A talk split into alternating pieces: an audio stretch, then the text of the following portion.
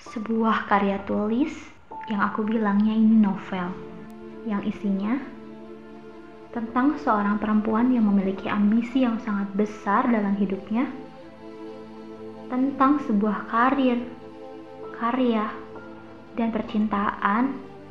Perempuan ini bernama Della. Hidup tumbuh dan berkembang secara tidak normal pada wanita umumnya. Dia memiliki ambisi yang berlebihan hingga dia lupa bahwa dirinya adalah perempuan. Perempuan yang seharusnya bisa menjadi sosok yang lemah lembut, namun Dela sebaliknya. Terlebih lagi, persoalan yang menimpa keluarganya yang sangat berantakan. Dela pun merasa frustasi dengan lingkungan yang tidak mendukung sama sekali. Bukan hanya soal keluarganya yang rumit, permasalahan percintaan Dela pun selalu tak sejalan. Selalu kandas di tengah jalan begitu rumit permasalahan hidupnya. Sehingga dia bersikeras merubah hidupnya dengan melawan dunia sendirian. Hingga pada akhirnya dia lupa bahwa dia siapa.